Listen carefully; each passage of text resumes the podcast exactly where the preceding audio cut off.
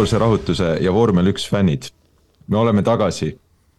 motoorne rahutus on lõpuks jälle tagasi. põhjus, miks me tagasi oleme, on tänu meie uuele koostööpartnerile, kelleks on meie kõigi lemmik päevaleht, Õhtuleht ma võin meie kõigi poolt siin motoorses rahutuses öelda suur tänu Õhtulehele, et panite sellele ligi kümme aastat nüüd äh, elanud hobiprojektile lõpuks, või mitte lõpuks, aga panitegi õla alla. ja põhimõtteliselt tegite meist professionaalsed podcaster'id, nii et see võib ka meie uus amet olla ja ma kindlasti viskan selle LinkedIn'i ka üles, et, et veel uhkem välja näha. aga ega tegelikult on meil ikkagi kõige suurem heameel selle üle, et me jätkame oma esialgse missiooniga, milleks on päevakajalise ja sisuka analüüsi toomine vormel üks maailmast eesti keeles äh, kõigi meie kuulajateni. jah, ja ma olen kursis ka, et meil on nüüd ports konkurente, äh, mida meil tegelikult ju aastaid ja aastaid ei eksisteerinud, nii et ähm, aitäh Netflix selle eest aga ma olen endiselt sada protsenti veendunud, et meie teeme seda kõige paremini ja ma omalt poolt tahan lisaks Õhtulehele öelda aitäh ka kõigile meie kuulajatele kõigile uutele inimestele, kes meid on hiljuti avastanud ja muidugi kõigile neile ka, kes on aastaid ja aastaid äh, F1-e meiega koos nautinud, et aitäh teile. Äh, meie motoorse rahutusena lähme edasi samas koosseisus. minu nimi on nagu alati Fredi Edvin Esse. mina olen üks saatejuhtidest ja regulaarsel baasil abistavad mind ekspertanalüüsi ja muheda kommentaariga Toomas Vabamäe tere! ja Tarmo Klaar. tere! meie neljas liige Martin Harak on samuti tiimis, aga tema täidab siin neid tühimikke, kui keegi meist ei saa ise saates osaleda ja Martin, ma tean, et sa kuulad seda saadet ja suur aitäh sulle ka samuti selle kõige eest kuna Õhtulehe peatoimetaja Martin Šmutov ei saanud meiega selles otsesaates praegu liituda, siis äh, täna Toomas lindistas temaga ühe lühikese intervjuu, kus nad äh, vestlevad ka sel teemal, et miks just Õhtuleht meid äh, oma tiiva alla võttis. ja siinkohal me nüüd mängimegi teile selle intervjuu ette, et head kuulamist. tere tulemast motoorse rahutuse saatesse, Martin Šmutov, Õhtulehe peatoimetaja. jõudu ja rõõmu motoorne rahutus on olnud aastaid tegev nüüd väikeste vahedega küll, no Õhtuleht on meie jaoks uus keskkond ja sina oled tegelikult see otsustaja, kes ütles, et hakkame tegema, et mis oli see loogika, kui ma ütlesin, et meil on väga nišisaade, sina olid kohe nõus, et teeme? et lisaks sellele, et me oleme niisugune üle-eestiline äh, väljaanne, siis äh, millele me viimastel aastatel oleme erakordselt palju rõhku pannud, ongi selline erinevate, kuidas ilusti öelda, aga erinevate sihukeste meie jaoks oluliste nišide enda kättevõtmisel, ehk siis äh, valdkonnad, kus me tahaksime äh, mingil hetkel olla Eestis number ühed. et äh, meil on see või noh, minul on see nimekiri enam-vähem olemas. ja ütleme, et auto või ka laiemalt sihuke moto üldse, sport on kindlasti üks nendest valdkondadest, mis äh, võib, mida võib kirjeldada küll nišina, aga kus on väga kirglik vaatajaskond, äh, kes sellest teemast huvitub. ja see on kindlasti üks äh, koht, kus me tahame noh, hakata mingil hetkel veel teistest meedia kanalites selgelt eristuma, et või siis veel paremini öelda, et nagu esile tõusta, et me oleksime lõpuks esimene valik, et võib-olla ei ole veel seda täna, võib-olla pole seda ka veel järgmine aasta, aga ülejärgmine aasta võib-olla juba küll mida sellise jutu peale peab kohe küsima, et mida siis Õhtuleht motoorselt rahutuselt ootab? teha seda, mida te olete tegelikult tõenäoliselt teinud väga hästi, et hoides seda oma kuulajaskonda pakkudes neile äh, just äh, võib-olla siis sihukest eriilmelist ja huvitavat vaatenurka sellel spordialal või ka paljude jaoks on võib-olla ka hobil, mis neid huvitab. ega, ega rohkem midagi ei olegi võimalik tahta. no vältimatu on küsida, et kui palju sa ise mootorisporti, eriti vormel ühte just jälgid kunagi vaatasin ikkagi nagu igal nädalavahetusel, kui võistlused olid, aga see jääb selline Damon Hilli ja selliste meeste aega, et eks te saate seda enda Vikipeediast või kui olenevalt, kui, kui uus vaataja on, saate järele vaadata, kes need mehed on. et äh, võib-olla nagu ma olen natukene nüüd selline Ameerika koduperenaise moodi inimene, kes uuesti on hakanud vormeli poole vaatama tänu Netflixi sarjale, kus küll tähelepanu on rohkem sellele, mis toimub äh, rajaväliselt ja sihukestel inimsuhetel, aga äkki äkki eh, nüüd selle järgmise nende aastatega, kui hakata nüüd seda nagu tõsielu poolt vaatama, tõmbab see ala mind tagasi, aga noh, jah, ma ise hakkasin tegelema rohkem selliste meeskonnaspordialadega, mida ma suudan ise harrastada. autot nii hästi juhtida ei oska, vormelist rääkimata, et eh, siis võib-olla kadus see huvi ära, aga jah, aga tegelikult mingil hetkel ma olin ikka jah, selgelt ikkagi iganädalane vaataja, aga ma ütlen, see on jah, ikkagi, ikkagi juba kümnend, kümnendit tagasi. no siis sa oled selles mõttes tavaline selline keskmine tänapäevane mood moodne publik, keda just nimelt see Netflixi sari on väga paljusid on toonud vormeli juurde, kas siis keda tagasi või keda üldse täiesti esimest korda? ja ma isegi üritasin mõelda, et miks see nagu ära kadus, et tegelikult need ülekanded nagu olid, aga võib-olla nagu see on nagu ka teiste sportide puhul, spordialade puhul võib-olla selline, et, et niikaua, kui see võitlus ja võistlus on pingeline, siis ta pakub pinget. kui tekib üks selge domineerija, siis tegelikult esimesed üks, kaks, kolm aastat on veel väga äge, on näha seda domineerimist. aga kui see kolmest need numbrid hakkavad juba suuremaks minema, siis võib-olla tekibki niisugune nagu kas motoorne rahutus või mingi muu rahutus, et tahaks midagi muud näha. aga kui see nii-öelda jätkub veel, veel pikalt-pikalt-pikalt, siis muutub nagu üksluiseks, et eks, eks võib-olla see kuskil põhjus nagu see kadumisel oli ka seal, pluss siis noh, teised hobid tulid peale, aga, aga tegelikult ma arvan, see on hea, et Netflix ja teised ka striimingu keskkonnad üritavad näidata seda, mis toimub ka spordialade taga, on see siis tennis, golf, vormel või mis iganes, mida nüüd praegu tehakse, jalgpallist on ka väga palju tehtud, et sest sest tegelikult, et aru saada sellest, millise pinge all need võistlejad on, olenemata siis alast äh, Äh, mida nad mõtlevad, kuidas nad val-, ette valmistavad, siis, äh, siis see teleülekanne, see üks, see sõit on ainult väga-väga äh, väike osa tõenäoliselt kogu sellest protsessist. aga see kõik muu, jah, võib-olla ta ei ole nii, ütleme siis, ma ei tea, puhas sport, mida vaadata, aga ta tegelikult on erakordselt huvitav ta näitab ka nende inimeste vaimutugevust, mitte ainult, eks ju, füüsilist tugevust ja kõike muud taolist, aga näitab ka vaimutugevust ja miks mitte läbi selle tulla kas siis tagasi või ka leida endale mingi uus lemmikala, kui sa suudad ennast samastada nende inimestega. no see on tegelikult ju laias laastus nagu igasugune ajakirjandus, et kirjutatakse, millest kirjutatakse, aga lõppkokkuvõttes meid huvitavad ikkagi teised inimesed. Noh, mingis mõttes muidugi jah, kõige rohkem huvitavad, eks ole, ikkagi võitjad, kuidas nad ka selleni jõuavad. Ja Äh, noh, kui, kui ma arvan jah, et see selles mõttes noh, kui see sarja juurde veel jääda, et ongi nagu hea on see, et noh, see need asjad ei tule niisama, et noh, et istusin rooli või võtsin siis, ma ei tea, suusakepid kätte ja näe, olengi nüüd maailmameister või, või siin võidan vormel ühes etappi või siis ka nagu aasta kokkuvõttes, et see ei ole nagu, ei kuku niisama nagu sülle, et selleks on ikkagi metsik, metsik töö. kas sa vormel ühes kellelegi pöialt ka hoiad? Ei hoia, praegu ei hoia, et viimane see nii-öelda fänn, kellel ma ikka väga selgelt nagu olin ja kellele ma hoidsin, oligi Damon Hill. Äh, väga suured hingehaavad on kõigist nendest äh, kokkupõrgetest seal viimastel etappidel ja muudel mu ellu jäänud ja mälestused väga tugevad, et tema oli nagu tõesti viimane selline, kellele ma noh, ikka nagu väga selgelt nagu kaasa elasin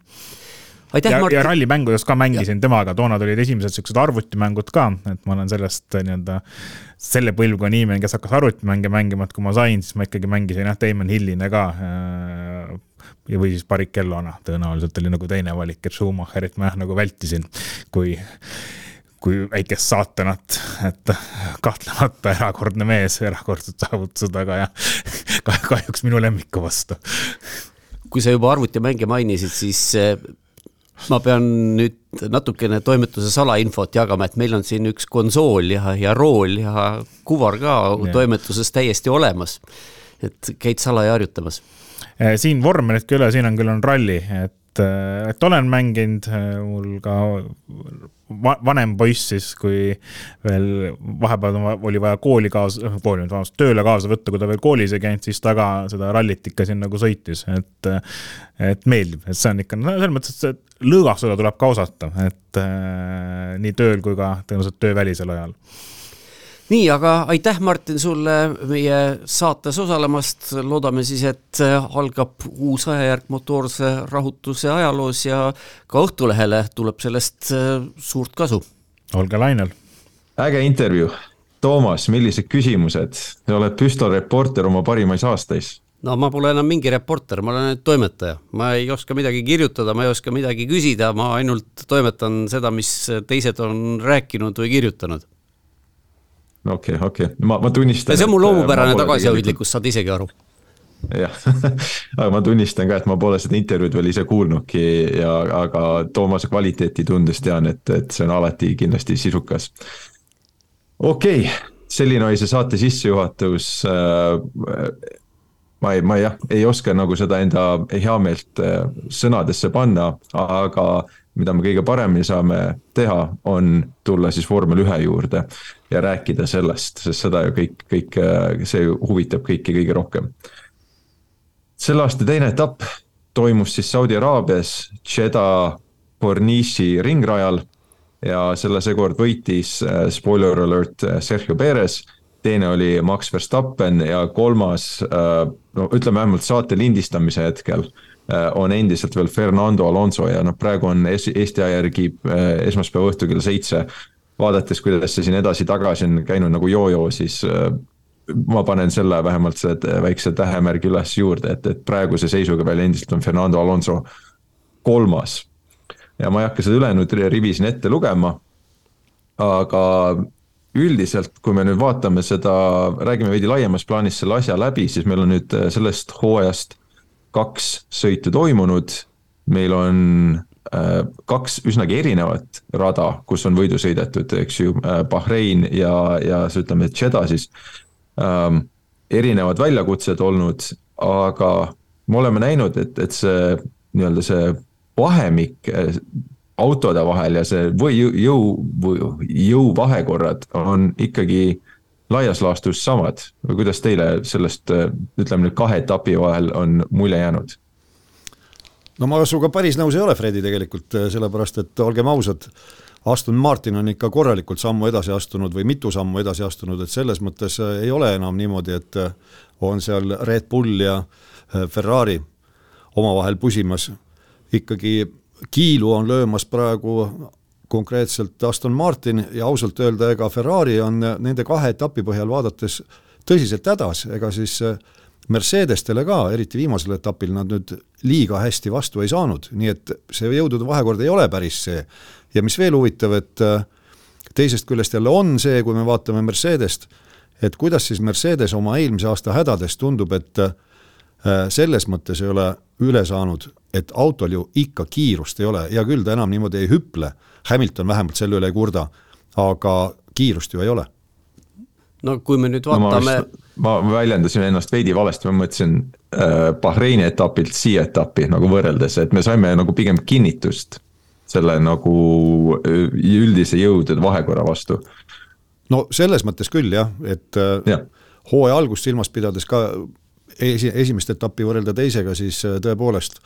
Red Bull on omas maailmas, siis on ilmselt Aston Martin ja siis tuleb selline natukene tihedam võib-olla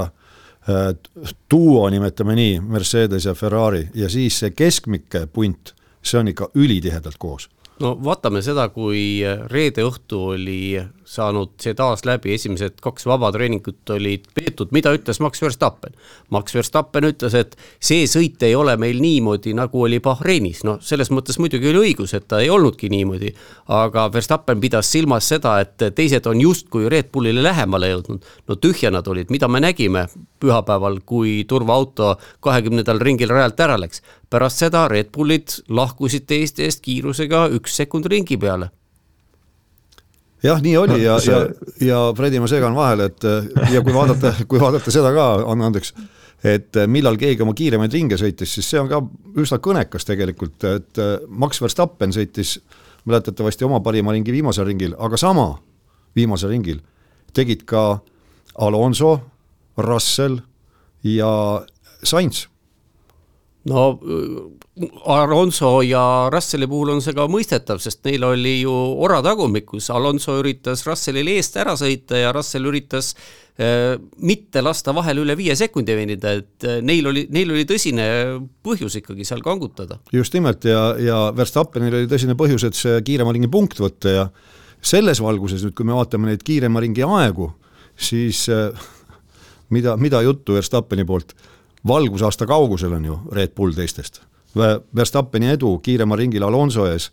oli null koma kolmkümmend kolm sekundit, Russelli ees null koma viiskümmend kaks sekundit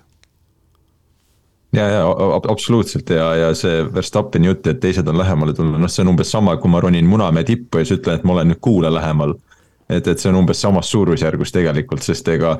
on aru saada, et äh, Red Bulli arusaam sellest uuest reeglistikust ja kuidas see põhja alt, see aerodünaamika nüüd töötab, sest varem olid ju need autod olid põhja alt, nad olid nii kuidagi ära kärbitud äh,, kastreeritud selles mõttes, et nad alt, põhja alt ei tootnud äh, seda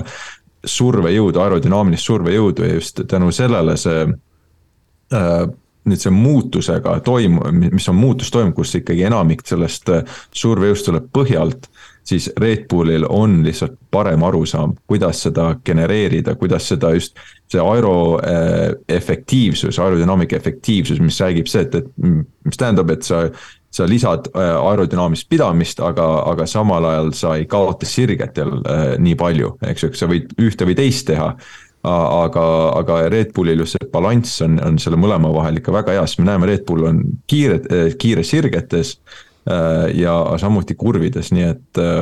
neil on lihtsalt parem arusaam sellest ja tänu, seda on ringaegades ikka väga hästi näha ja see kajastub ka sellistel, sellisel juhul just, et kui sul on siuksed erinevad ringrajad nagu Bahrein ja, ja Jeddah mis on erinevate täiesti karakteristikutega, aga auto on endiselt teistest pea ja, ja õlad kõrgemal nojah, aga kui me nüüd vaatame, et kas Red Bullil nõrku kohti ka on, siis nägime ära laupäeval nägime ära ja pühapäeval olid teatud kahtlused ja kõhklused, mis küll ei realiseerinud, aga kui oli see nüüd George Russell, kes ütles esimese etapi järel, et tema arvab, et Red Bull tänavu võidab kõik sõidud. mina ei usu sellesse, jah, jõudude vahekorra põhjal võiks, aga puhtstatistiliselt äh, ma väidan, et see on võimatu. Ma olen nõus. Ja, ja miks, miks Alonso just nii õnnelik on ka tihti, et noh, ta sõidab ikkagi praegu parimal juhul kolmandale kohale, eks ju, kuigi neil on paremuselt teine auto, siis äh, Alonso on ise öelnud ka, et noh, ei äh,, kindlasti on etappe, kus mõni Red Bull kukub eest ära ja noh, Verstappen tegelikult oli juba ees kukkunud ja, ja kunagi ei tea, ütleme, Perezil oleks võinud minna ka boksipeatus valesti või, või mis iganes juhtub või on turvaauto olukord jälle midagi, mis mängib äh, Aston Martini kasuks, nii et, et neil on ikkagi lootust ja, ja see on ka Alonsole veel, veel rohkem indu andnud äh, see hooaeg no lootust oli ka nüüd ju, kui viimase kümne ringi jooksul Verstappen kurtis seal mingite veidrate helide üle ja Perez jällegi rääkis, et piduripedaal hakkab pikaks minema, noh kumbki ei olnud nüüd selline häda, mis oleks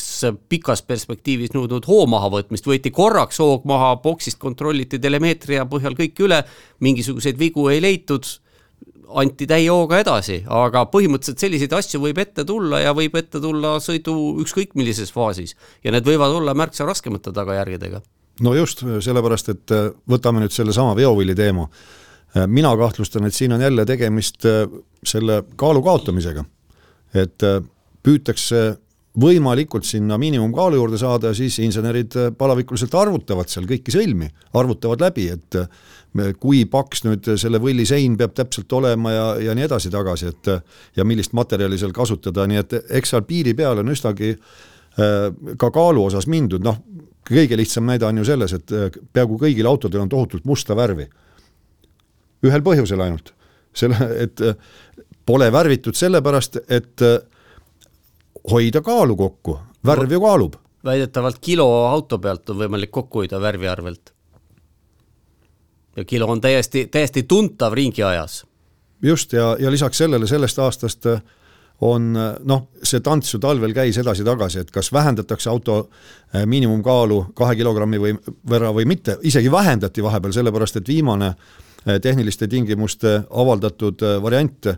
näitas seda, et, et miinimumkaalu on uuendatud, mis tähendas seda, et see oli tagasi viidud seitsmesaja üheksakümne kaheksa kilogrammi peale. aga äh, küsimus selles, et äh, miks ta tagasi viidi, ilmselt põhjus siis on selles, et Pirelli selle aasta rehvid on veel raskemad, kui nad eelmisel aastal olid ja Tarmo ei täpsustanud nüüd, et vahepeal, mingisuguses vahepealses reeglite versioonis oli seitsesada üheksakümmend kuus kilo ehk kaks kilo vähem. kahe kilo pärast käib see tants ja trall edasi-tagasi. see ei ole mingisugused tsentnerid või ma ei tea, puudad, vaid kaks kilo.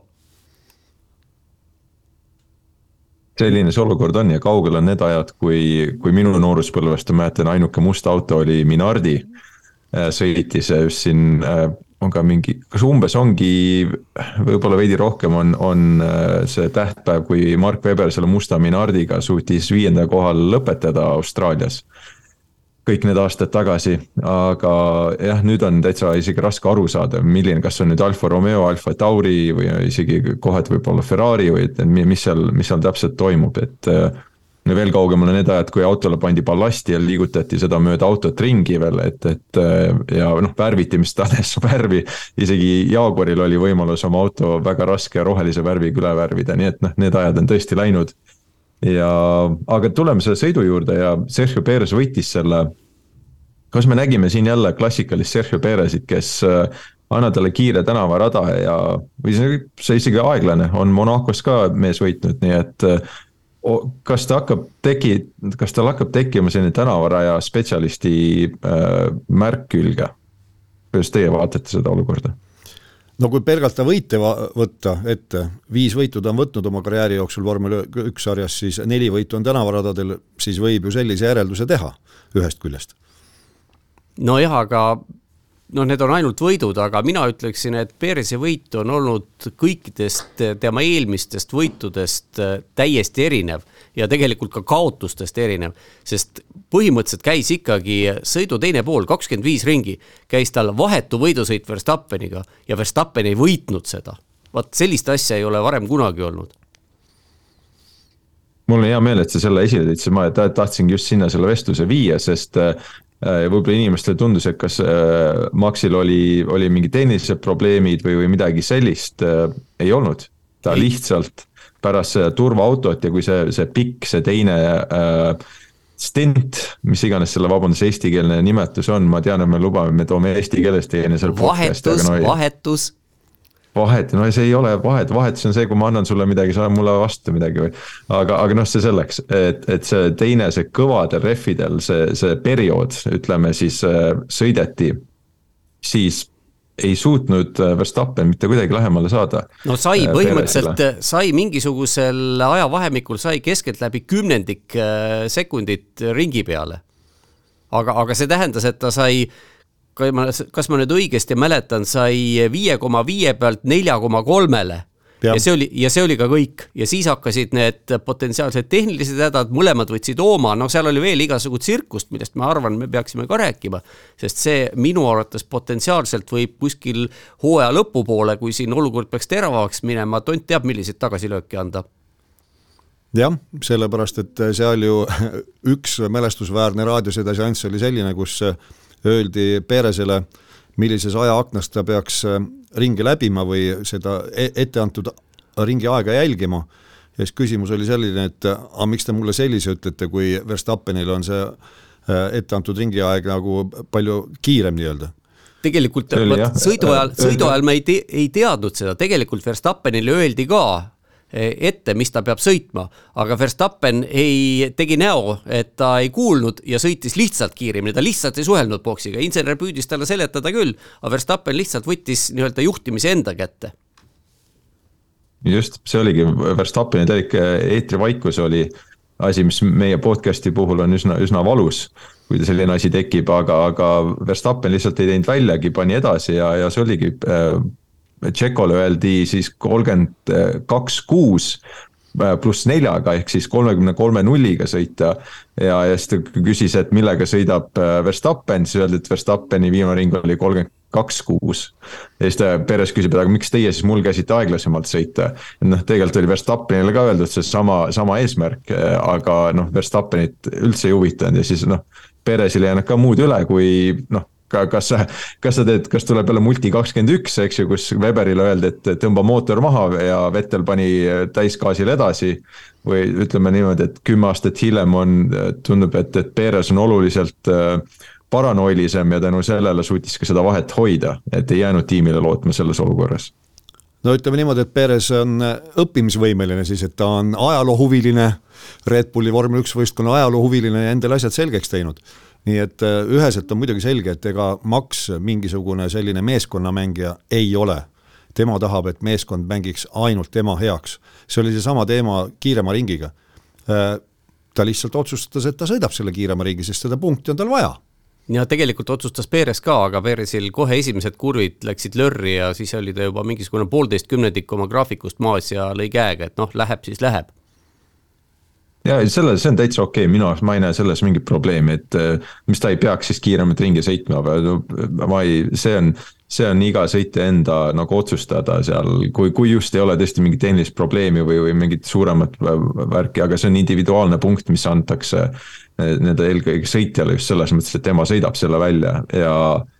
miks, miks ta ei peaks seda kiiremat ringi välja sõitma, et no, ma selles mõttes ei näinud probleemi, aga, aga mis ta oli laupäeval.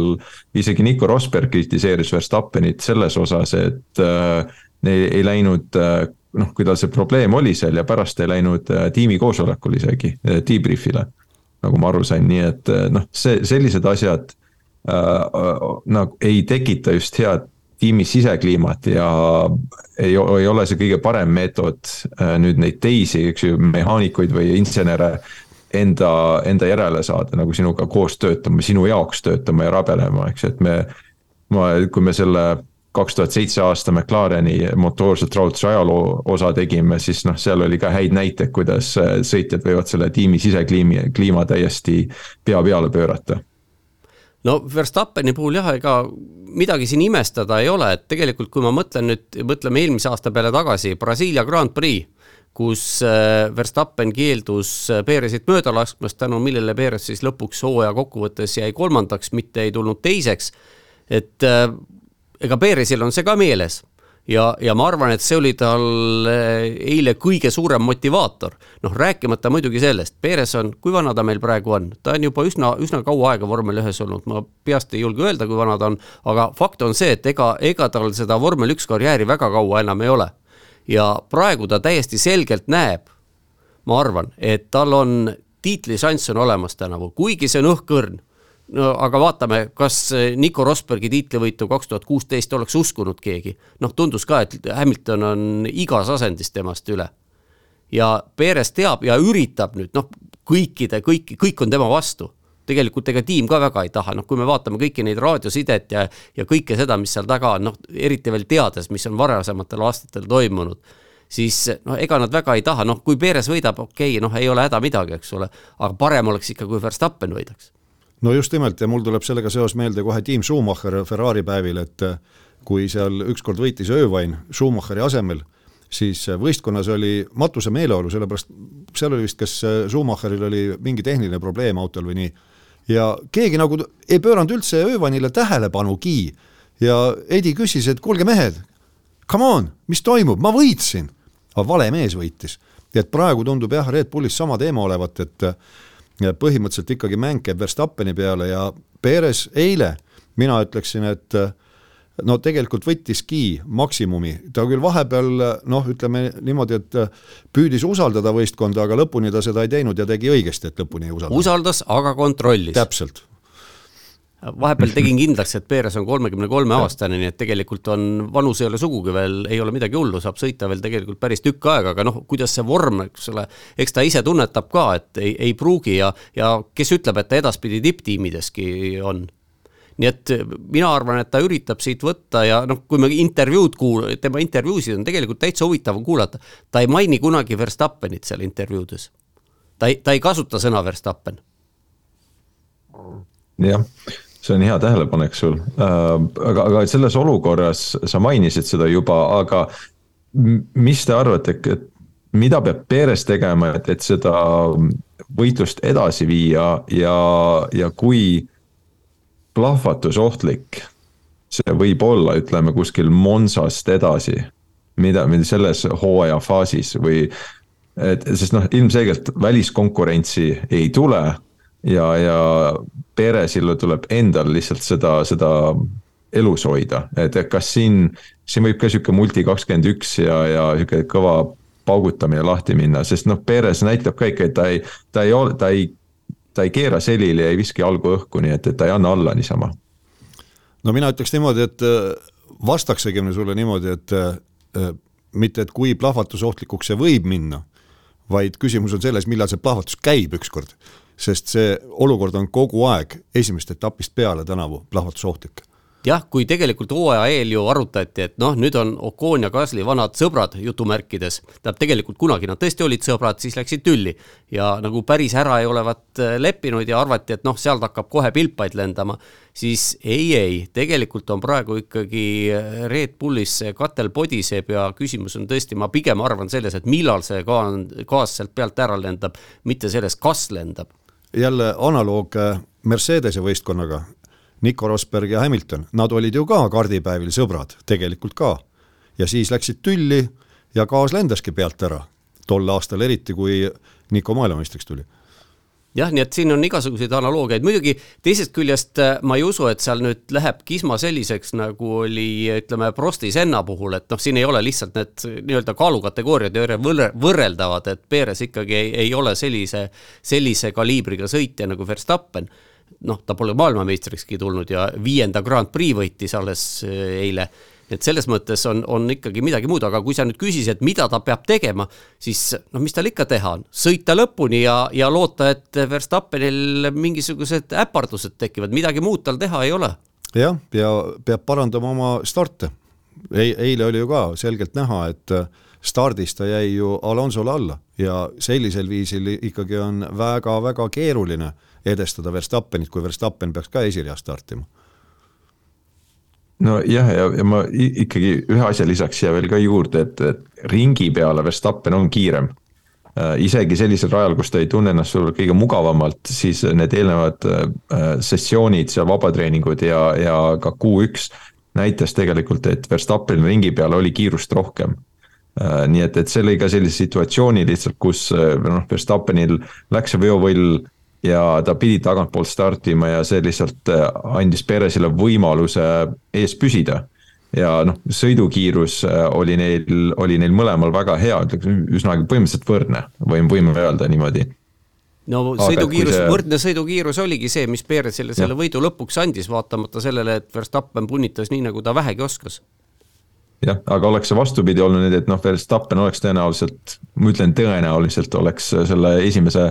stardikoha võtnud ja, ja kui ta oleks seal et, e, esimese ringi lõpus ees püsinud, siis äh, Perez ei oleks seda võitu võtnud, ta ei oleks puhtalt sõidukiirusega mööda saanud. et, et siin on teatud sellised lisa äh, situatsioonid, mis peavad äh, materialiseeruma, et Perezil oleks selline parem võimalus äh, Verstappenilt see võit võtta, sest ikkagi nädalavahetusse minnes see nii-öelda äh, by default on Verstappeni sõitmis kaotada. eks ju, teised peavad selle võitma. Verstappenil on lihtsalt see ülekaal ja noh, ta on väljapaistev, täiesti väljapaistev ja, ja ainulaadne sõitja selles mõttes, ta, ta on sellel tasemel, seal, selle üle ei ole midagi vaielda. on teil Red Bulli äh, teemal veel midagi lisada? no nii palju on just selle Perese koha pealt, et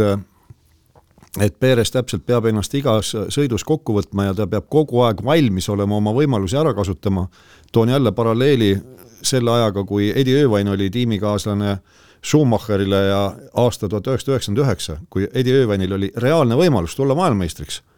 ja no ilmselgelt äh, ta ei olnud sellel tasemel, eelkõige psühholoogiliselt, et võidelda tiitli eest. et sellist asja ei saa nüüd Perez endale küll lubada no eilse põhjal otsustades, ega ta ei lubagi,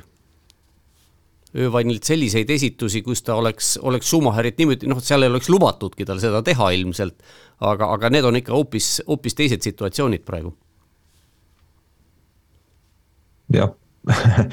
Irvine'i ja see, see oli jah, Irvine'i vastu mul ikkagi selles mõttes väga suur austus, et ta läkski Ferrarisse selle eesmärgiga, et ta hakkabki number kaheksa ja tegigi seda tööd seal ja ja samal ajal korjas äh, paksu palgatšekki, mis sa professionaalse sõitjana, sa saad Ferraris sõita. miljoneid makstakse sulle eest ja, ja sa pead äh, number kaks olema, ma ei, ma ei saa ka seda kuidagi maha laita, et ja öelda, et Irvine mingi viiner oli, hiljem läks veel, veel suurema raha eest läks Jaguari. kus oli siis nii-öelda, nii-öelda number üks sõitja veel ja sai veel rohkem raha selle eest, nii et noh geniaalne, geniaalne käik selles mõttes tema poolt. müüs oma kes... tööjõudu väga hästi. õppige, õppige üks minu lemmik podcast'e, mis on Beyond äh,, vabandust, mis Beyond see on uh, Bring Back V10s uh,, kus räägitakse ka, ühes osas nad rääkisid just sellest, kuidas Irvine Ferrarisse sattus ja, ja noh, kui naljakas situatsioon oli ja isegi kuidas pohmellis peaga. Irvine suutis Edilt veel, veel ühe lisamiljoni taskusse panna, nii et noh, see oli üks edi teisest, ütleme niipidi siis, et see oli jah, see oli fantastiline tegelane oli Irvine omal ajal no meie kuulajatele Aga... teadmiseks, et jutt on siis Eddie Irvine'ist ja Eddie Jordanist. just, Edide vahel käis see võitlus. ja siit on Aga... nüüd ilmselt hea edasi minna selle tiimi juurde, mis kunagi kandis nime Jordan. mis jah, täiesti uskumatu, et, et isegi üheksakümne üheksanda aasta ütleme, Jordani tippu võrreldes, mis tolle selle Silverstone'is baseeruva tiimi siis äh, mis iganes inkarnatsioon neil on olnud, äh, tuleb välja, et nüüd on neil tõesti kõige edukam hooaeg käimas, kõige selle oot-oot-oot-oot-oot, kus sa nüüd võitis Heinz-Harald Frentzen oli, mis aasta see oli, üheksakümmend kaheksa, kui üheksakümmend üheksa, ma mõtlen. üheksakümmend üheksa, viimase etapi, viimase etapi eel oli ju veel MM-tiitli konkurentsis. võitis kas kaks või kolm etappi hooaja jooksul. kas oli vist kolm isegi või, kui, kas võitis Frentzen äh, too hooaeg? no igatahes mitu jah, aga ma ikkagi eeldan, et, et või ma ütlen, et neil ei olnud kiiruselt teine auto, siis neil oli heal juhul kolmas ja see, mis juhtus, et nad, Frentzen tõesti võttis need võidud, need olid ka sellised situatsioonilised rohkem. praegu Aston Martin, me võime nüüd kahe etapi järel ju kindlalt öelda, et neil on kiiruselt teine auto. absoluutselt, mitte on, mingit kahtlust jah ja eriti Fernando Alonsoga, siin ka veel see väike erinevus, et noh, Fernando Alonsoga, ma ei taha Strolli liiga palju maha teha, ta sõidab päris tugevalt mingi kümnendik kaks Alonsost maas. kes, tegelikult Alonso ka ei ole nüüd see, ta ei ole Leclerc'i Hamiltoni tasemel kvalifitseeruja. et, et noh, seal võiks ka ilmselt, ma eeldan, et seal oleks ka rohkem nagu ruumi, aga mida me Aston Martini kohta nüüd saame kindlalt öelda, nad on teine ja, ja mis see kommentaar siin veel peaks olema sellele, et nad, nad suudavad selle poodiumi Alonsoga koju tuua? no mina ikkagi tuletaksin meelde seda, et äh, kunagi targad inimesed on seda öelnud, et kaadrid otsustavad kõik ja antud juhul ei ole see mitte mingisugune juhus, et Aston Martin on sellises äh, seisus, nagu ta praegu on või sellisel tasemel. Äh, üks põhjus on, seisneb selles, et nende tehnikadirektor on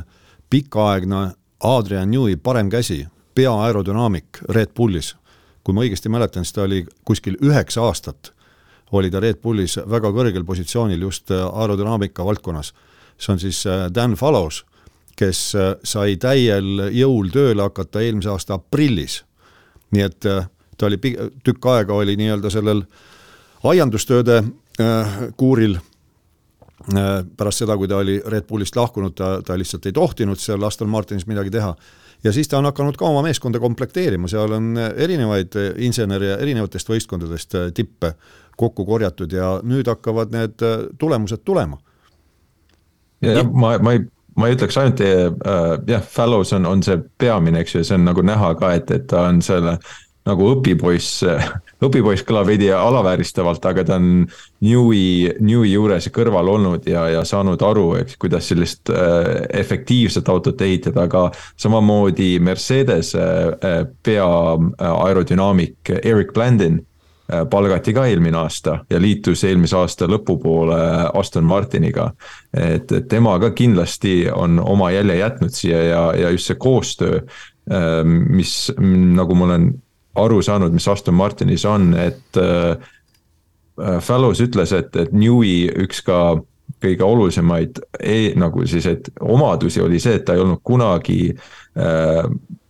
nagu intellektuaalselt ülbe et ta alati arvas, et, et saab midagi õppida, saab paremini teha. ja ta oli, oli kuul-, oli ka nõus kuulama teiste arvamusi ja, ja ta ütles, Fellows ütles, et ta on ise ka üritanud seda sellist nagu põhimõtet järgida ja, ja ilmselgelt on ka need, nendel teistel äh,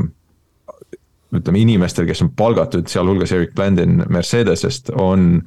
on olnud ka oma mõju sellele äh, sellele Aston Martini meeletule tõusule, nii et, et seda on, seda on jah, tore olnud näha. aga mina küsiksin niimoodi, et heakene küll, kaks etappi on nüüd möödas, Aston Martin on olnud küll suhteliselt stabiilselt kiiruselt teine auto, ega seal need tema jälitajad on tegelikult vaheldunud, et seekord oli Mercedes kõige lähemal, noh, eelmine kord pigem Ferrari siiski aga see selleks, aga kas siin ei ole nüüd tegemist sellise natukene võimendatud Sauberi efektiga? noh, Sauberi efekt on, kes, kes teavad, need teavad, aga kes ei tea, siis see on see, et ehitatakse kole hea auto hooaja alguseks, saadakse kõrgeid kohti, aga siis teised tiimid arendustöödega lähevad mööda no nüüd ongi see küsimus, et kas see on see Sauberi sündroom või ei ole, seda me saame alles näha. sellepärast, et see meeskond on tõesti üsna Äh, nooruke, ütleme siis, või üsna uus kooslus, aga see, mis sa, Fredi, ütlesid, et et kõlab natukene halvustavalt äh, see õpipoiss, siis minu meelest antud kontekstis ei kõla, otse vastupidi. et ta ongi olnud selline käsn õpipoiss, kes on, äh, Dan Fallows siis, kes on ahminud endasse kõike seda, mida ta nägi tegevat Adrian Newit. Ja just ma tahtsin ka seda rõhutada, mis sa välja tõid, et mis siis Fallows ütles, et Newi on selline mees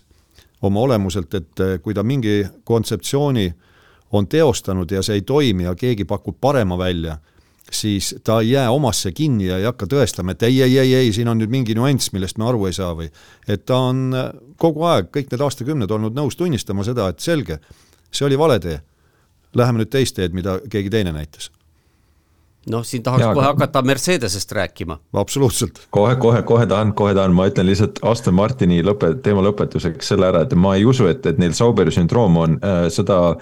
mitmel põhjusel, esiteks neil on okei okay,, targad inimesed, kellest me rääkisime, Lawrence Stroll on, on nagu maks-, ostnud need inimesed üle teistest tiimidest. ta on lihtsalt rohkem raha pakkunud neile ja ta on pakkunud ka neile ägeda väljakutse. Äh, selles mõttes, et nad saavad nüüd, Dan Fallows oli alati, võime öelda, et Adrian Newey varjus aga sealt tuleb, äh, on, on saanud nüüd nii-öelda ise ka ja vaat, vaat kui palju rohkem me räägime, palju me Red Bulli aegadel Dan Fallowsist rääkisime. ei olnud ju sellist nagu, et, et noh, see kõik, kõik selline asi tuleb välja. Teine asi on äh, see eelarvepiirangud, et äh, enam ei ole ka niimoodi võimalust, et, et Ferrari'd või Mercedesed viskaks raha lihtsalt probleemi poole ja, ja tuleks selle tõttu läheks, jookseks Sauberist mööda. ja kolmas põhjus on siis see aerodünaamiline arendustöö, mida piiratakse vastavalt sellele, mis kohal sa eelmine aasta lõpetasid, nii et seda on ka Red Bullil eriti vähe võrreldes teiste, ütleme, Mercedese, Ferrari'ga, aga eelkõige Aston Martiniga just selle tõttu, et nad said karistada eh, selle kululimiidi ületamise eest ja kõike seda. aga, aga samamoodi ka Mercedesel, Ferrari'l on vähem seda aega arendada. ja kui arvestada, et minu jaoks nagu tuleb, tuleb, tundub, et Aston Martini tehniline tiim saab paremini aru, mis toimub ja neil on rohkem aega arendada, äh, siis järgmiseks aastaks võib, võib neil olla veel parem nagu eelis äh, selle, ütleme oma peamiste konkurentide, kelleks ongi siis Red Bull ees, nii et rääkimata Ferrari'st, Mercedesest. nii et, et see võib minu jaoks tähendab, pigem annab just selle impulsi või selle arusaama, et, et see edu on väga suure tõenäosusega väga hästi jätkusuutlik üks asi veel, mis selle jätkusuutlikkuse kasuks vähemalt minu jaoks esialgu räägib, on see, et eh, ei ole, minu meelest ei ole saanud tõeks see äh, hirm, et äh, Papastroll tahab vägisi ise seal juga juhtida. ilmselt ta on aru saanud, et tulebki palgata õigetele kohtadele õiged inimesed äh,, rahastada neid korrektselt ja tulemus tuleb ja mitte toppida nina sinna, kuhu vaja ei ole, tegelikult Just. vaatame kasvõi seda, et me oleme tänavu telepildis ka Papastrolli päris harva näinud, minu meelest eelmisel aastal figureeris ta oluliselt rohkem telepildis. ma ei tea, noh, kes, kes on selline, kes ütleb talle, et kuule, ära roni siia, et või hoia eemale, noh, poiss võib-olla. või siis ta on ta ise selle ära tabanud, et ei ole tarvis. no igal juhul on no, see õige, igal juhul on see õige liigutus võrreldes näiteks, võt-, mäletate teie esimest äh,, Strolli esimest aastat Williamsis kui palju ta oli põhimõtteliselt igal etapil kohal ja toimetas seal. no mäletate Drive to Survive'is neid just ei, ei lähe need näoilmed vist küll kunagi meelest see oli, oli jah, see oli nagu, mis see raha, mis nad maksid selle eest praegu selle äh, kulupiirangute kõigega vist ütleme niimoodi, et, et Sol maksab vähem raha vist aasta peale kokku ja saab nagu poodiume selle eest, nii et.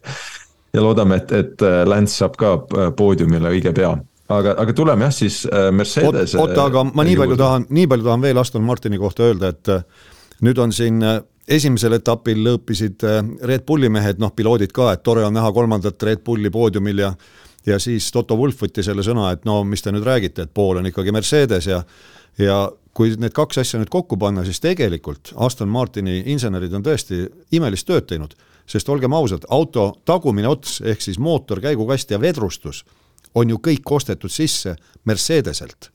ja väidetavalt siis esimene ots on kontseptuaalselt analoog Red Bullile ja selline hübriid on tööle pandud nojah, aga kui Mercedese kogu seda värki vaadata, siis tundub, et noh, ega seal ongi kõik valesti, tähendab aerodünaamika osas, nii et tehes teistmoodi on juba viis, niisugune fifty-fifty võimalus, et sul lähebki asi õigesti. Aga nüüd on, võime no, minna Mersu juurde. jah, ja noh, Toto Wolf on nüüd rääkinud, et neil tuleb see uus kontseptsioon ja, ja ma ei olegi täpselt aru saanud, mis, mis etapil. no siis, kui valmis kas... jõuavad jah, et noh, Baku, me... Kanada, midagi sellist, ma ei aga tea. arvestage seda, mis on kõikidele tiimidele, noh, need, nendele, tähendab mitte kõikidele, vaid nendele, kes on hädas, nendele on nagu taevamanna see, et Hiina etapp jäi vahelt ära, see tähendab, et sisuliselt terve aprillikuu ei tule võistlustele minna. teisel aprillil on võidusõit ja siis on kolmekümnendal alles. jah, kõik see aeg on võimalik äh, tegeleda arendustööga see vahe on peaaegu sama pikk kui suvevaheaeg või ongi umbes sama pikk ju. neli nädalat jah, sama pikk. just on jah. just, ainult et selle vahega, et suvevaheajal on teatud periood, kus on keelatud teha, tehasesse üldse minnagi ja tulesid põlema panna.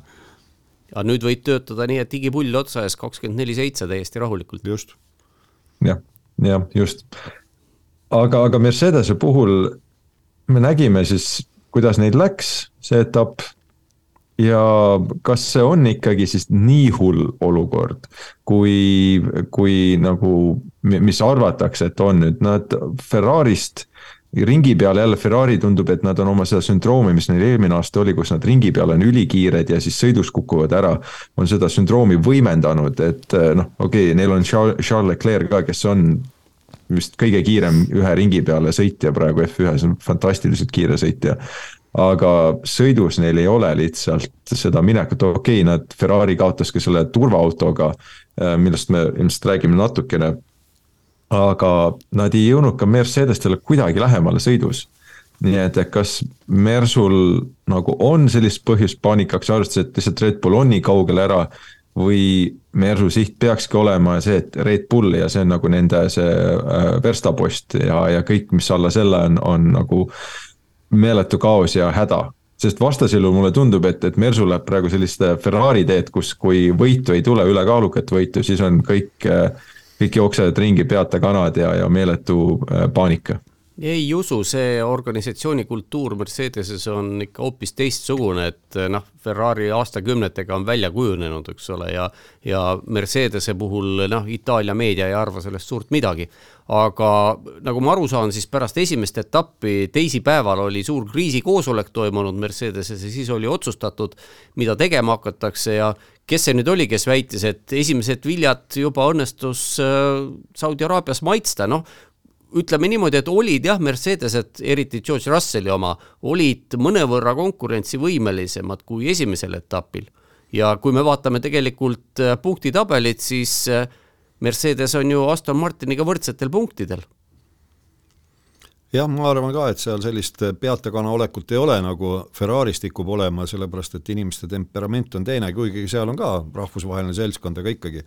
see töö, töökultuur on teine. Ja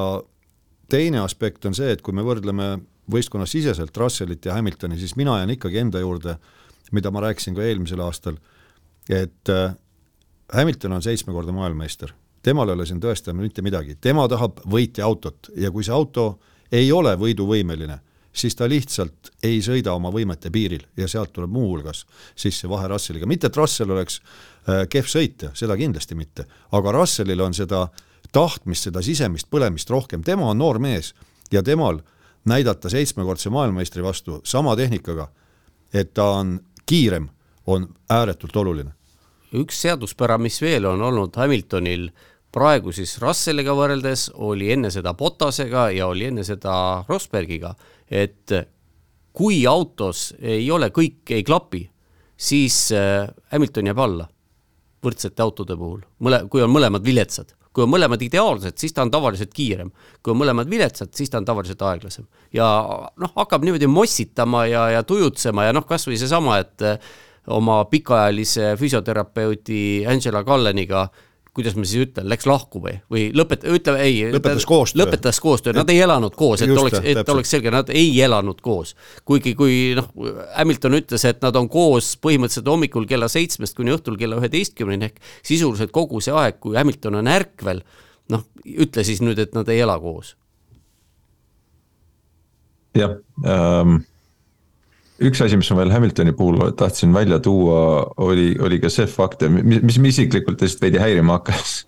oli see, mäletate, kui Ferrari tegi sohki oma mootoriga, eks see oli nüüd neli aastat, neli hooaega tagasi juba ja. ja siis Hamilton ütles, et, et oi, et nad on nii kiired sirgetel ja neid ei saa kätte ja kuidas me saame niimoodi sõita, eks ju, ja noh. jälle täiesti äh, mitte mäletades aastaid kaks tuhat neliteist, viisteist, kuusteist vähemalt kui,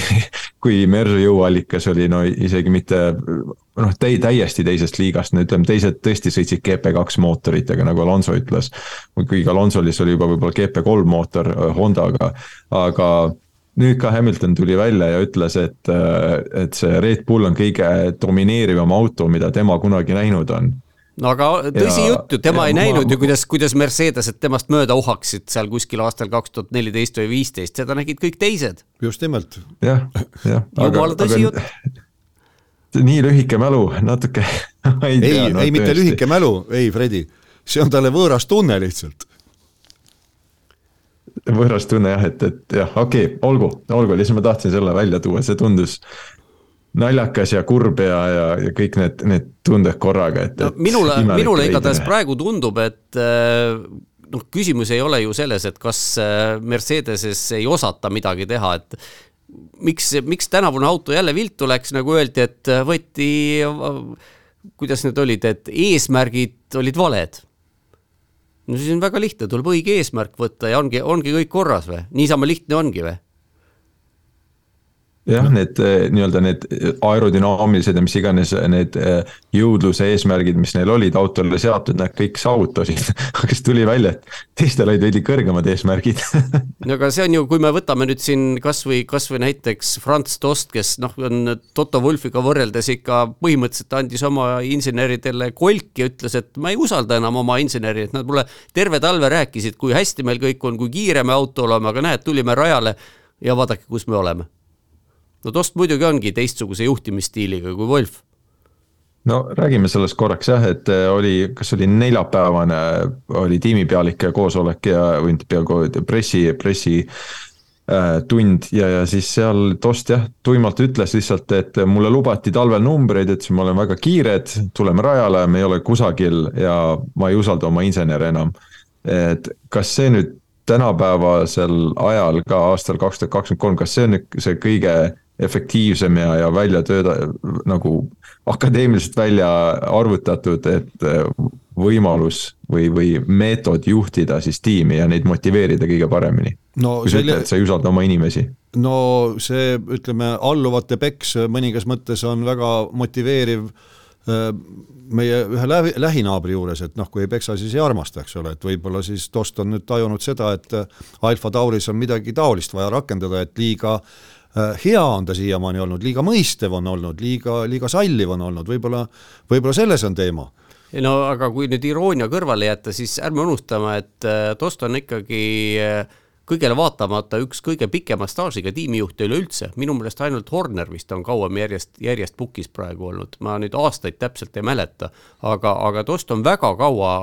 seda tiimi juhtinud ja noh, ilmselt ta ikkagi ühte, teist ja kolmandat teab ja noh, vahepeal on edukad ajad olnud, aga see, et ta oma insenere ei usalda, tegelikult on ju mm, siin on täiesti ratsionaalne iva, et on ju kõik või mitte kõik, vaid väga paljud vaatlejad on öelnud, et väga veider, et miks eh, Toro Rosso üritab nii palju asju ise teha, kui tegelikult oleks ju võimalik Red Bullilt need üle võtta sarnaselt nagu eh, Haas. võtab Ferrari'lt see seaduslik reeglitega lubatud võimalused on olemas, miks nad seda ei tee, hoiaks raha kokku, saaks paremad asjad win-win situatsioon oleks ju täiesti. just nimelt, nii et äh, ei tea jah, mis põhjusel nad seda teed läinud ei ole, kuidagi jäärapäiselt püütakse noh, oma, ega see iseenesest halb ei ole, et antakse võimalus noortele inseneridele, aga mõningatel juhtudel tõesti. no kui on, välja ei tule, noh, juba teist aastat ei tule välja. ja täpselt, et äh, siis äkki oleks tark nagu minna selle ostutoodete peale vähemalt osaliselt? No mis ta nimi on, Jody Eggington ei ole ka kuidagi noor insener, kes on nende tehniline äh, direktor siis, et äh,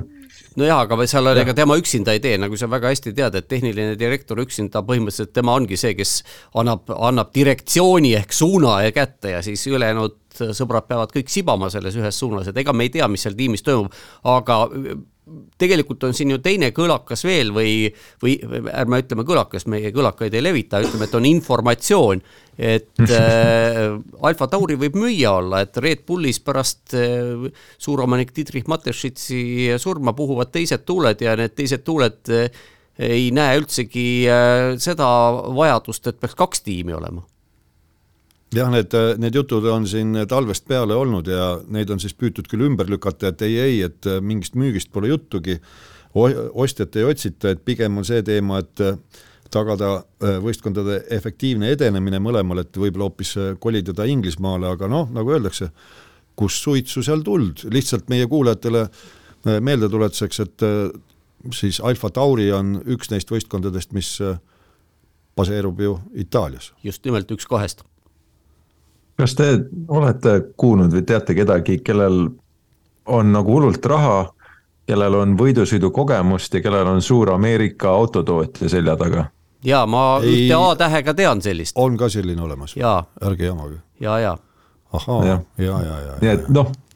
nagu Kosilasi peaks olema ja mitte ainult, see on ainult üks nendest, nii et Kosilasi peaks olema, eks me räägime Andretist eelkõige koos Cadillaci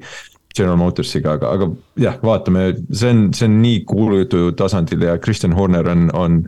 seni tuimalt need äh, nagu ei ole isegi Kristjan Horner, kes tavaliselt on selline vaatame, vaata, räägime, ei tea ja kõike. et lihtsalt saatis tuimalt selle, selle kuulujutu maha, nii et, et äh, vaatame, mis, mis, mis sellest tuleb, see võib veel areneda see aasta edasi. no kui te selle Andreti no. teema sisse tõite, siis lihtsalt äh, ütleme niimoodi, kas siis mööda minnes või põgusalt, äh, minu jaoks see on nii naeruväärne, mis selle äh, Andreti liitumise soovi ümber toimub, et kui praegune Concordi leping sõlmiti ja see kehtib ja see näeb ette, seda on lekitatud, seda informatsiooni, ega me pole, keegi meist kolmest pole seda saanud lugeda, eks ole, aga osaliselt teda lekitatakse punkthaaval ja muuhulgas on siis lekitatud see informatsioon, et uus võistkond, kes liitub, täiesti uus võistkond, kes liitub vormel üks võistkonnaga, peab maksma kakssada miljonit äh, dollarit. Lihtsalt lambist, lihtsalt niisama, igalühe, igale ülejäänud senini olemasolevale tiimile kakskümmend miljonit. jah, see, see on nii-öelda selline kompensatsioonifond. Ja nüüd, kui ilmus täiesti reaalne võistkond, mis on selles mõttes äh, oht, et äh, Andreti võistkond on ju tugev maailma erinevates sarjades. Ja on tõeline reaalne oht tulemas sealt, et äkki hakkabki kohti ära võtma, siis öeldakse, et ei, ei, see kakssada miljonit on ikka vähe. tegelikult peaks kolm korda rohkem maksma. jah, kuussada oleks vaja, igale ühele kuuskümmend miljonit ehk põhimõtteliselt äh, pool praegusest äh, piirangutega eelarvest. või siis teistpidi jälle ameeriklastega seotud, et kui Haas liitus vormel üks seltskonnaga, siis äh, Gene Haas, tiimi omanik, tegi endale koos oma jüngritega, tegi kehtivad reeglid väga hästi selgeks ja hakatigi sisse ostma Ferrari'lt neid ostutooteid, mis reeglitega on lubatud ja teda hakati süüdistama küll Ferrari plagiaadis, küll ma, ma ei tea, milles kõiges äh, hakati õõnestama tema jalgealust ja põhjus oli lihtne, kui nad tulid, siis nad alguses olid ka ju suhteliselt edukad. no reeglite rääkimine, reeglite lugemisest me võiksime ka äsja lõppenud etapi valguses rääkida päris pikalt. absoluutselt, nii et selles mõttes jah, see vormel üks seltskond on äh, omaette üks selline kinnine klubi. Piraya klubi. jah. jah, no räägime ruttu Ferrari ka veel ära, sest. Ferrari on see, punane. see rahvateater see rahvateater väärib ka veidi, veidi tähelepanu Äh, kuues Carlos Sainz, seitsmes Charles Leclerc ja isegi vaatamata sellele turvaautole, mis too, toodi rajale, nad lõpuks kaotasid Red Bullidele nelikümmend kolm ja viiskümmend kaks, vabandust. Kolmkümmend viis ja nelikümmend kolm sekundit äh, poole etapi peale, nii et noh, kuskil ka laias laastus ikkagi üle minuti vähemalt ühe Grand Prix peale aeglasemad, mis on päris hullumeelne vahe. Neil uus tiimipealik Fredrik Vasseur ja ei ole tehnilist äh, ütleme, mis Mattia Binotto tegi Mattia Binotto tegi, eks ju, ta võttiski selle, kuna tema oli tehniline direktor enne ja sai tiimi pealikuks, siis ta struktureeris Ferrari niimoodi, et, et neil on erinevad äh, äh, osakondade juhid, kes siis raporteerivad talle ja ei olegi sellist üh, ühtset äh, tiimi pealikku või vabandust, tehnilist direktorit ja, ja see töötas päris hästi, aga nüüd tundub, et see enam nii hästi ei tööta.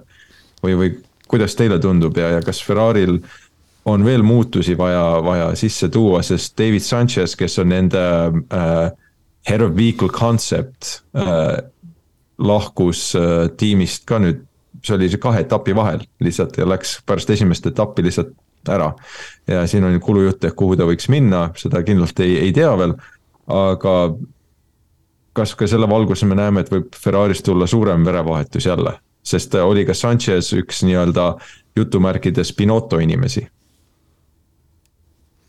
ja muidugi, sellepärast et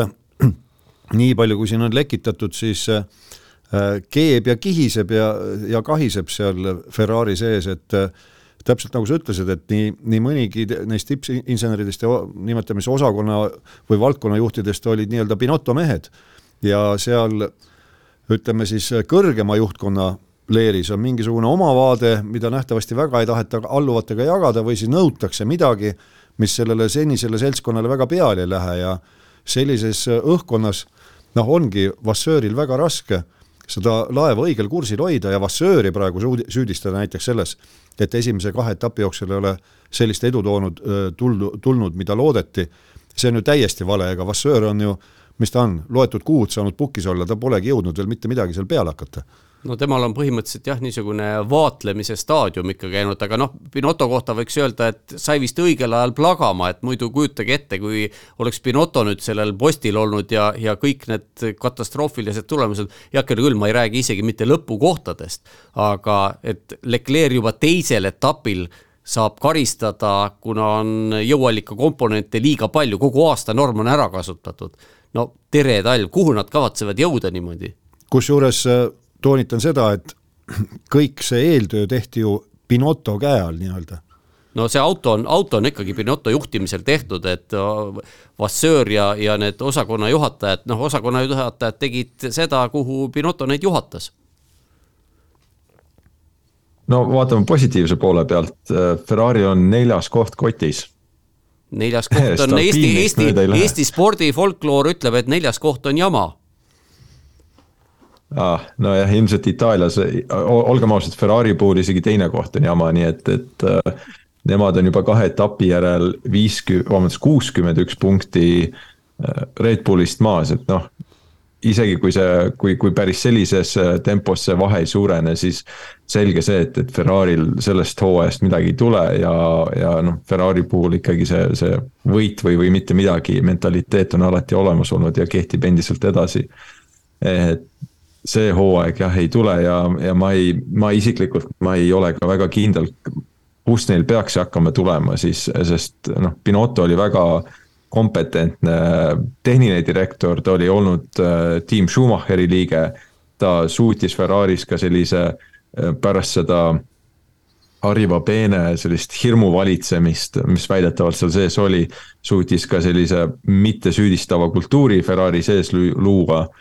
Ähm, ma ei, ma ei näe, et mis sealt siis veel paremini peaks olema ja näiliselt oli neil ka, või noh, Pinottol oli ka John Elkani, kes Ferrari nõukogu esimehe nagu toetus, kuni ühel hetkel enam ei olnud ja ma ei näe, et mis siis Ferrari saaks paremini teha, kui see, mis neil Pinottoga oli. no raske on öelda jah, aga noh, Itaalia ajalehti vähem lugeda, et eks eh, ma arvan, et seal Elkani ja Benedetto äh, mis ta nüüd nimi, Ferrari tegevjuht. Vinja. Vinja, jah. tegevjuht, jah. ühesõnaga nõukogu esimehe ja tegevjuhi vaated kipuvad suhteliselt kiiresti muutuma ja, ja noh, Vasseuril praegu kindlasti on nende tugi olemas täielik, aga, aga kui kauaks, sest fakt on see, et seal mingisugune kuu või kahega kindlasti midagi ei tee, tõenäoliselt tuleb sinna ikkagi palgata praegu, kuna Vasseur on mänedžer, mitte tehnikainimene tuleb ikkagi otsida sinna tehnikadirektor, see tähendab, et tuleb hakata kõike jälle otsast peale, noh tänavune hooaeg, mina julgen väita, et on ikkagi laias laastus Ferrari'l maha kantud, et kui nad selle neljanda koha saavad siis äh, see tõenäoliselt praegu paistabki kõige, kõige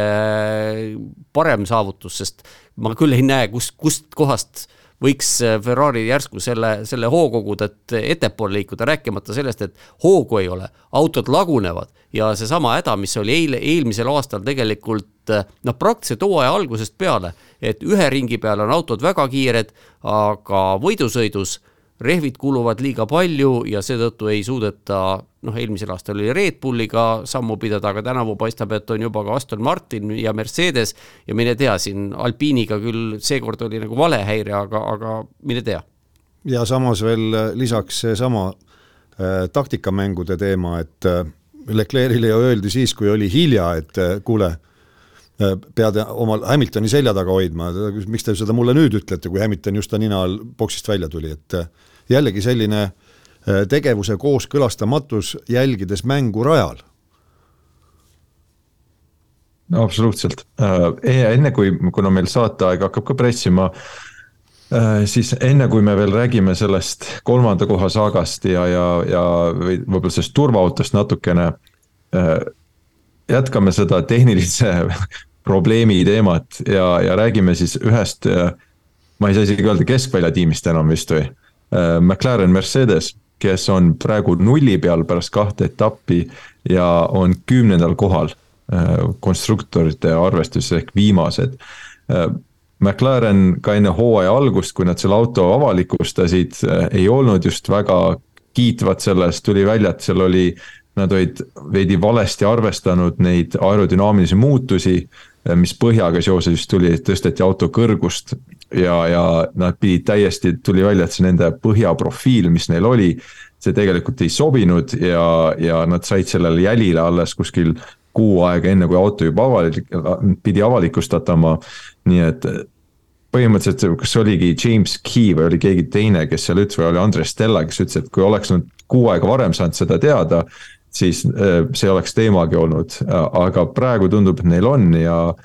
ja ma ei tea, kuidas teile, aga minule näitab see lihtsalt seda, et McLareni tehnilisel tiimil ka puudub arusaam täpselt, et äh, kuidas see, eriti just see põhja aerodünaamika töötab ja, ja üldiselt ka, et kuidas nendes reeglite äh, selles suuremas raamistikus tulla tagasi selle kolmanda koha poole, kus nad olid aastal kaks tuhat kakskümmend või kakskümmend üks, ma ei mäletagi enam no ilmselgelt jah, põhjused on seal, millest sa just räägid, et see tehniline tiim ei ole oma ülesannete kõrgusel ja mina tulen noh, natukene tagasi Red Bulli juurde, et miks Red Bull nii edukas on, seal põhimõtteliselt ma leian, põhjus on selles, et neil on Adrian Newey, kes äh, noore tudengina äh, või oli tudeng sel ajal ja tundis tohutut huvi äh, võidusõiduautode aerodünaamika vastu, eriti vormel ühe vastu, kui oligi see tiibautode kõrg, kõrgaeg ja temale on kõik need probleemid väga tuttavad, mis siis eh, ette tulid. Ja va-, endised vanad insenerid on ka seda meenutanud, kõik seda eelmise aasta hüplemist ja ütlevad, et aga see pole mingi tundmatu teema. Ja ka sportautode ehitajatel, sina, Toomas, tead seda valdkonda rohkem kui mina, eh, ka nende jaoks ei, ei ole see tiibauto kontseptsiooni eh, tööle saamine mingisugune uudis, tähendab sellega kaasnevad probleemid, millest tuleb nagu noh, jagu saada, aga paistabki see välja, et äh, paljudel võistkondadel, kaasa arvatud siis McLarenil, ei ole selle valdkonna kogemusega insenere nojah, aga samas on see väga kummaline, sest praegu ei ole ju esimene hooaeg, nüüd on juba teine hooaeg. eelmiseks hooajaks valmistuti hooaja käigus, korjati kogemusi, kellel positiivsed, kellel negatiivsed ja selle pealt nüüd teha niisugune, vabandage väljendust, käkk valmis. jah, see oli üllatav ja kui ma kuulsin ka seda juttu, et täpselt, et kas see oli Kii või oli Stella, kumb see ütles, et et see viisteist millimeetrit põhjakõrguse tõusu siis äh, tagumises osas, mis tä-, tänasel päeval kehtivad reeglid ette hakkasid nägema selleks hooajaks, et nad nagu ei osanud arvata, et see nii palju muudab aerodünaamikat, et minu jaoks, minu kõrvadele, kes ma ei ole aerodünaamik, isegi mulle see oli kuidagi üllatav jutt, et mehed, kes te olete aastakümneid selles valdkonnas tegutsenud, kuidas te üldse niimoodi suhtuda saate? Mis mulje teile sõitjad jätnud on äh, või noh, sõitja, räägime eelkõige siis Oscar Piastrist, äh, Lando Norris on juba enam-vähem teada-tuntud suurus. aga Oscar Piastri, kes on siis igast põhimõtteliselt klassis, kus ta on läbi tulnud, on tulnud kuldmedal kaelas nüüd vormel ühte. ja noh, okei okay,, natukene naljakas võib-olla on, eks eelmine aasta see, see sõda, mis tal edasi-tagasi käis selle Alpiiniga ja, ja McLareniga ja seal vahepeal oli veel Williams pikitud sisse, et äh, noh, nüüd McLarenist on. ja aga kuidas te, teie arvates ta seni on kahe etapi põhjal hakkama saanud äh, versus Lando Norris? no esimesel etapil ütleme nii, et ei paistnud nagu silmagi millegagi, isegi raske oli hinnata, aga seekord kvalifikatsioonis noh, et Norris seal omal esimese kvalifikatsioonivooruga kõik ära rikkus, see on üks asi, aga et Piastri jõudis suhteliselt kindlalt kolmandasse vooru välja, noh, see näitab, et on ikkagi kõva mees ja sõidus ka tegelikult, kui nad seal lõpus pusisid kolmekesi omavahel, vahepeal neljakesi, siis eh,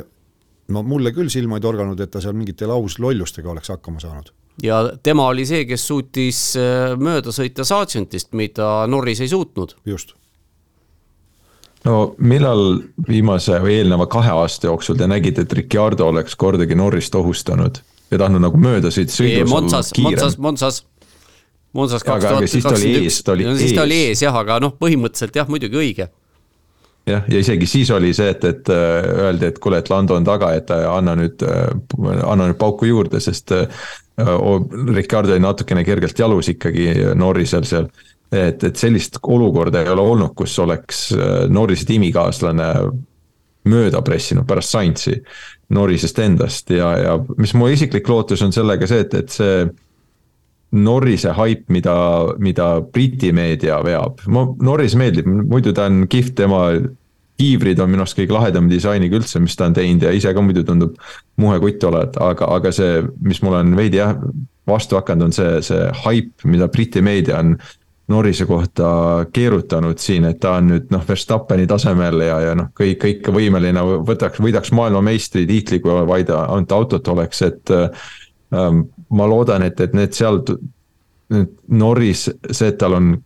parem äh, adekvaatsem verstapoiss kui Ricardo oli, Ricardo üliäge tüüp, aga noh, sorry, tüüp ei, lihtsalt ei, ei, ei tulnud äh, ei tulnud äh, esinema, kui, kui teda, kui vaja oli. ta ei, ta ei lihtsalt ei, ei vastanud uksekellale või ei vastanud telefonile, kui, kui kõne tuli ja, ja nüüd Piastri tundub, et, et tema suudab selle autoga hakkama saada ja minu jaoks personaalselt üks huvitavamaid sõitjate paare hooaeg läbivalt, kellel ma silma peal hoian just selle, selle balansi suhtes, sest kui Piastri suudab siin esimesel aastal äh, uustulnukana Norrisele korralikku konkurentsi pakkuda, siis see tema arenemispotentsiaal vastaks sellele, mis ta on varasemates klassides saavutanud jah, saab näha, et äh, praegu muidugi selle kahe etapi põhjal veel väga kaugeleulatuvaid järeldusi mina ei teeks. no ühest küljest mina ka mitte, aga teisest küljest see, et Peastri on noh, vähemalt eile näidanud ennast päris heast küljest, viitab minu jaoks muuhulgas sellele, et kõlab võib-olla totakalt, aga tänu sellele, et ta on uustulnuk, tal puudub eelnevate autode kogu äh,, kogemuse taak, mis ilmselgelt painas Ricciardot lõpuks. ja noh, lõpuks tundus, et Ricciardo ikkagi ise ka ei saanud aru, kuni viimase äh, meetrini sõidetud seal McLarenis, et mis, mis tegelikult teda painas. aga noh, see selleks, nüüd tuleb välja, et, et Piastril vist seda probleemi ei ole, mis on, mida on tore näha. Äh, aga tuleme siit siis selle sõidu juurde, kus oli kaks minu jaoks viimane sõit oli noh, oli kah, eks ju, selline äh, tuleviku maletamine, eks ju, et ette maleta, maletati seal asju, aga turvaauto. kui Lance Stroll parkis oma auto sinna müüri taha ära ja, ja justkui ei olnud isegi kuidagi rajal tuli turvaauto välja, kuidas teie seda, seda olukorda nägite? no minu jaoks laus jub-, jabur ja viimastel aastatel see jaburus kuidagi aina süveneb. Äh, meil on olemas kollased lipud, meil on olemas äh, topeltkollased lipud aastakümneid juba. täpselt, et see auto oli pargitud barjääri taha, ta oli täpselt virtuaalne seal... turvaauto ka. no täiesti tarbetu, absoluutselt tarbetu sellises olukorras. lokaalsed topeltkollased lipud välja kõik on haritud sõitjad, kogemusega sõitjad kardist peale, tunnevad lippe, teavad, kuidas peab käituma. no ja... see ei tähenda, see ei tähenda, sa tead väga hästi, et kui on, kui on ikkagi siht silme ees, et on vaja järele jõuda, siis see ei tähenda. aga ikkagi mina jään enda jaoks kindlaks, täielik äh, ülepingutus. jah, selle, selles osas ma olen nõus, et äh, äärmisel juhul virtuaalne turvaauto, aga kindlasti mitte füüsilist. ei võistluskontroll selgitas seda sellega, et jah, kui Stroll sõitis, aga ta sõitis otse välja, ta ei peatunud, ta lihtsalt kulges ilusasti ja Stroll, kiituseks Strollile ka veel, ta parkis auto ideaalselt ära, ta ei hakanud seal mingit äh, kemplust tegema ja lihtsalt keset teed parkima risti või midagi sellist, ta suutis õige koha leida ja auto sinna ära parkida. ja, ja mis võistluskontroll ütles, et neil ei olnud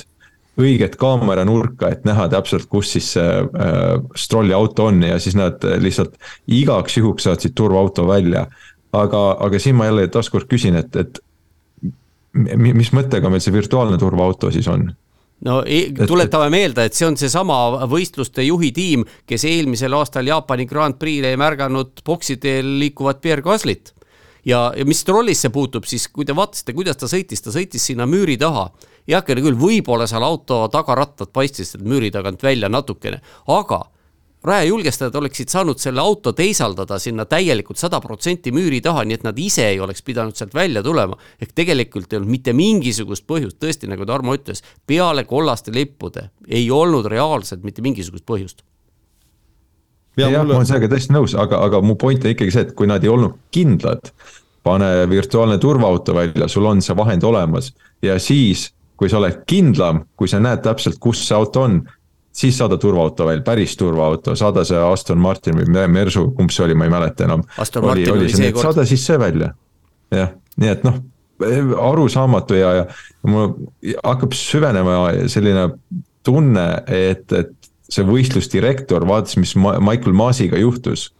et äh, nii kardetakse nüüd seda, et, et tullakse ka, tuleb see Twitter oma, oma harkidega neile järele ja tuleb äh, võistkonnad, tulevad sõitjad, fännid, noh, kes iganes. ja,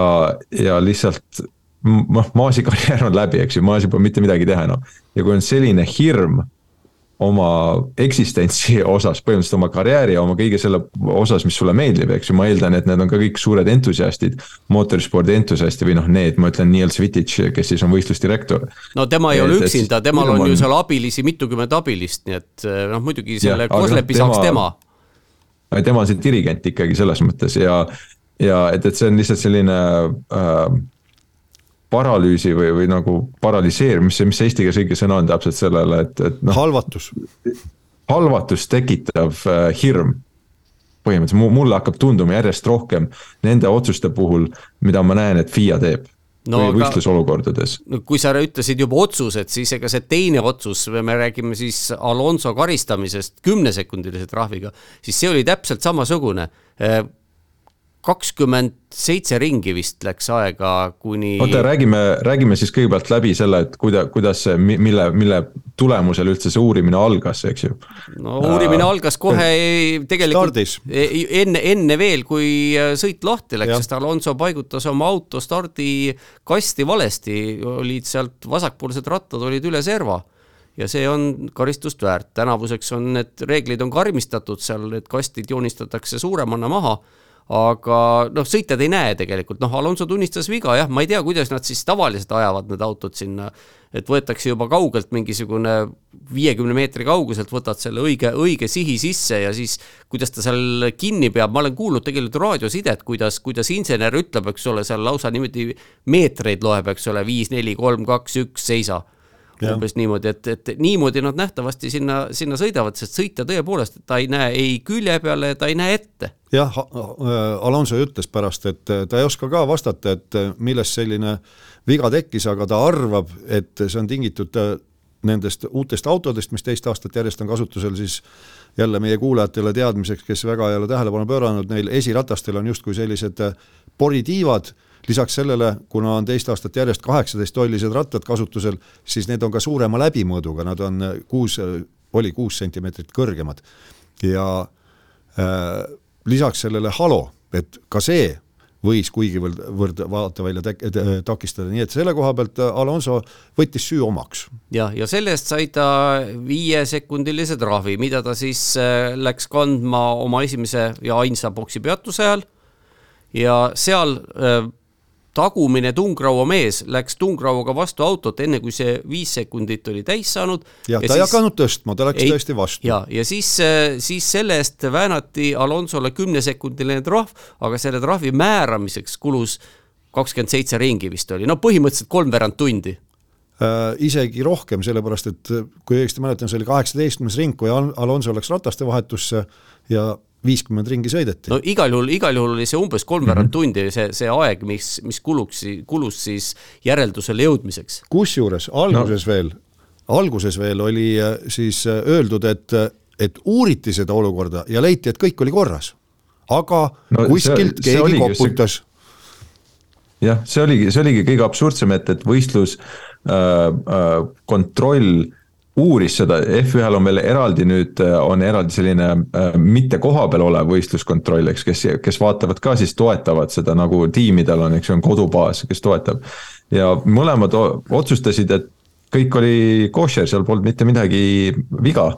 ja, ja siis järsku kasvõi kaks ringi enne lõppu hakati jälle uurima seda. siis hakkasid kõlakad liikuma. absurdne jah, skisofreeniline olukord äh, ja, ja siis pärast sõitu, nagu ma aru sain poodiumilt alla tulles sealt äh, teiselt korruselt äh, trepi peal alla jalutades tuldi Alonsole öeldi, et kuule, sorry mees, oled neljas, annad äh, trofee siia. noh, see on üks asi, mis ma kõige vähem sallin, on see, et, et pärast sõitu Varssuudu lipu langemist tulemusi muudetakse ja, ja see ei tohiks niimoodi olla. ei no võib-olla, kui see oleks juhtunud viimasel ringil, aga veel kord, kolmveerand tundi. kaks kolmandikku sõitu mm -hmm. mollutati ära lihtsalt nii-öelda ja, ja, ja, ja mis veel hullem, siis Aston Martin äh, protesteeris. ei, nad ei protesteerinud. hullem oleks, aga, aga ei, tulemust muudeti ja, veel. tulemust muudeti, tegelikult Aston Martin, seal on jälle kõik need juriidilised äh, nüansid, eks ole, aga see ei olnud protest, vaid see oli, kuidas see siis oli, see oli asjaolude ülevaatamine. jah ja, ja siis tõesti selgus, et varem niisuguste asjade eest seitse korda on olnud äh, juhtumid, kus ei ole karistatud ja Alonso karistus tühistati. muidugi, kui me nüüd mõtleme, et kui see karistus oleks sõidu ajal määratud, no tegelikult see ei oleks midagi muutnud, sellepärast et teist boksipeatust Alonsol ei olnud. vaat kui teine boksipeatus oleks tulnud ja seal ta oleks oma kümme sekundit karistust kandnud, siis oleks asi läinud küll täiesti jamaks. jah, me ei tea, samas kui see oleks äh, nii-öelda õigeaegselt antud ütleme noh, mingi lähema kümne ringi jooksul siis pärast seda, kui see juhtus, siis võib-olla tõesti, nagu Alonso ütles takkajärgi, et okei okay,, mulle oleks siis öeldud, et sõida kümme sekundit eest ära ja ma oleks sõitnud, noh, võib-olla ta isegi oleks sõitnud eile eest ära. aga mis veel huvitav, et äh, miks siis üldse äh, see ümber vaadati äh,, reeglites on kirjas, et kui määratakse ajaline karistus ja auto tuleb boksi seda kandma, siis inglise keeles on seal kirjas, et uh, the mechanics can't work on the car. mehaanikud ei tohi auto kallal töötada ja nüüd oli siis mingisugune ohutuskomitee koosolek või ennem hooaja algust, kus väidetavalt võistkondade esindajad olid sedasama punkti täpsustanud ja olid jõudnud arusaamisele, et õigem on öelda, et can't touch the car aga seda pole mitte kuskil kirjas. ja noh, ühesõnaga tavaline lugu, kui läheb reeglite vaim ja reeglite kirjasõna lähevad vastuollu, siis kehtib alati kirjasõna. just. seal on, seal on veel nüanss äh, sellega, et äh, see, need, need äh,, mis need on siis need, millega auto üles tõstetakse, need äh, tungrauad. kui auto boksi tuleb, siis esitungraud puudutab autot, sest sellega nii-öelda pannakse auto paika, eks ju, õiges kohas et see on alati seal, kus ta ei tõsta üles, aga ta puudutab seda. mitte kuskil ei olnud kirjas, et tagatungraud ei tohi siis, aga kuidagi oli vaikimisi kokku lepitud, et okei okay,, esitungraud, kuna selle nagu eripära tõttu, siis see võib auto nagu paika sättida ja, ja äh, olla seal autot puudutada aga jällegi kuskil reeglites ei ole kirjas, et, et tagatungraud, noh, tungraud on tungraud, mis seal vahet on. et, et see ei tohi siis puutuda ja, ja noh, seal oli nii palju neid omapäraseid nüansse lõpuks, nagu teie seletasite see tungraua värk, et äh, lõppkokkuvõttes ma, ma, ma tahaks öelda, George Russell ka pärast seda sõitu ütles, et noh, et veidikene kainet mõistust võiks ka rakendada nende reeglite äh, ütleme, monitoorimisel ja rakendamisel, et, et siis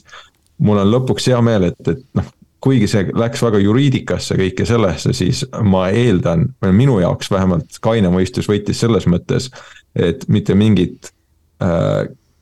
eelist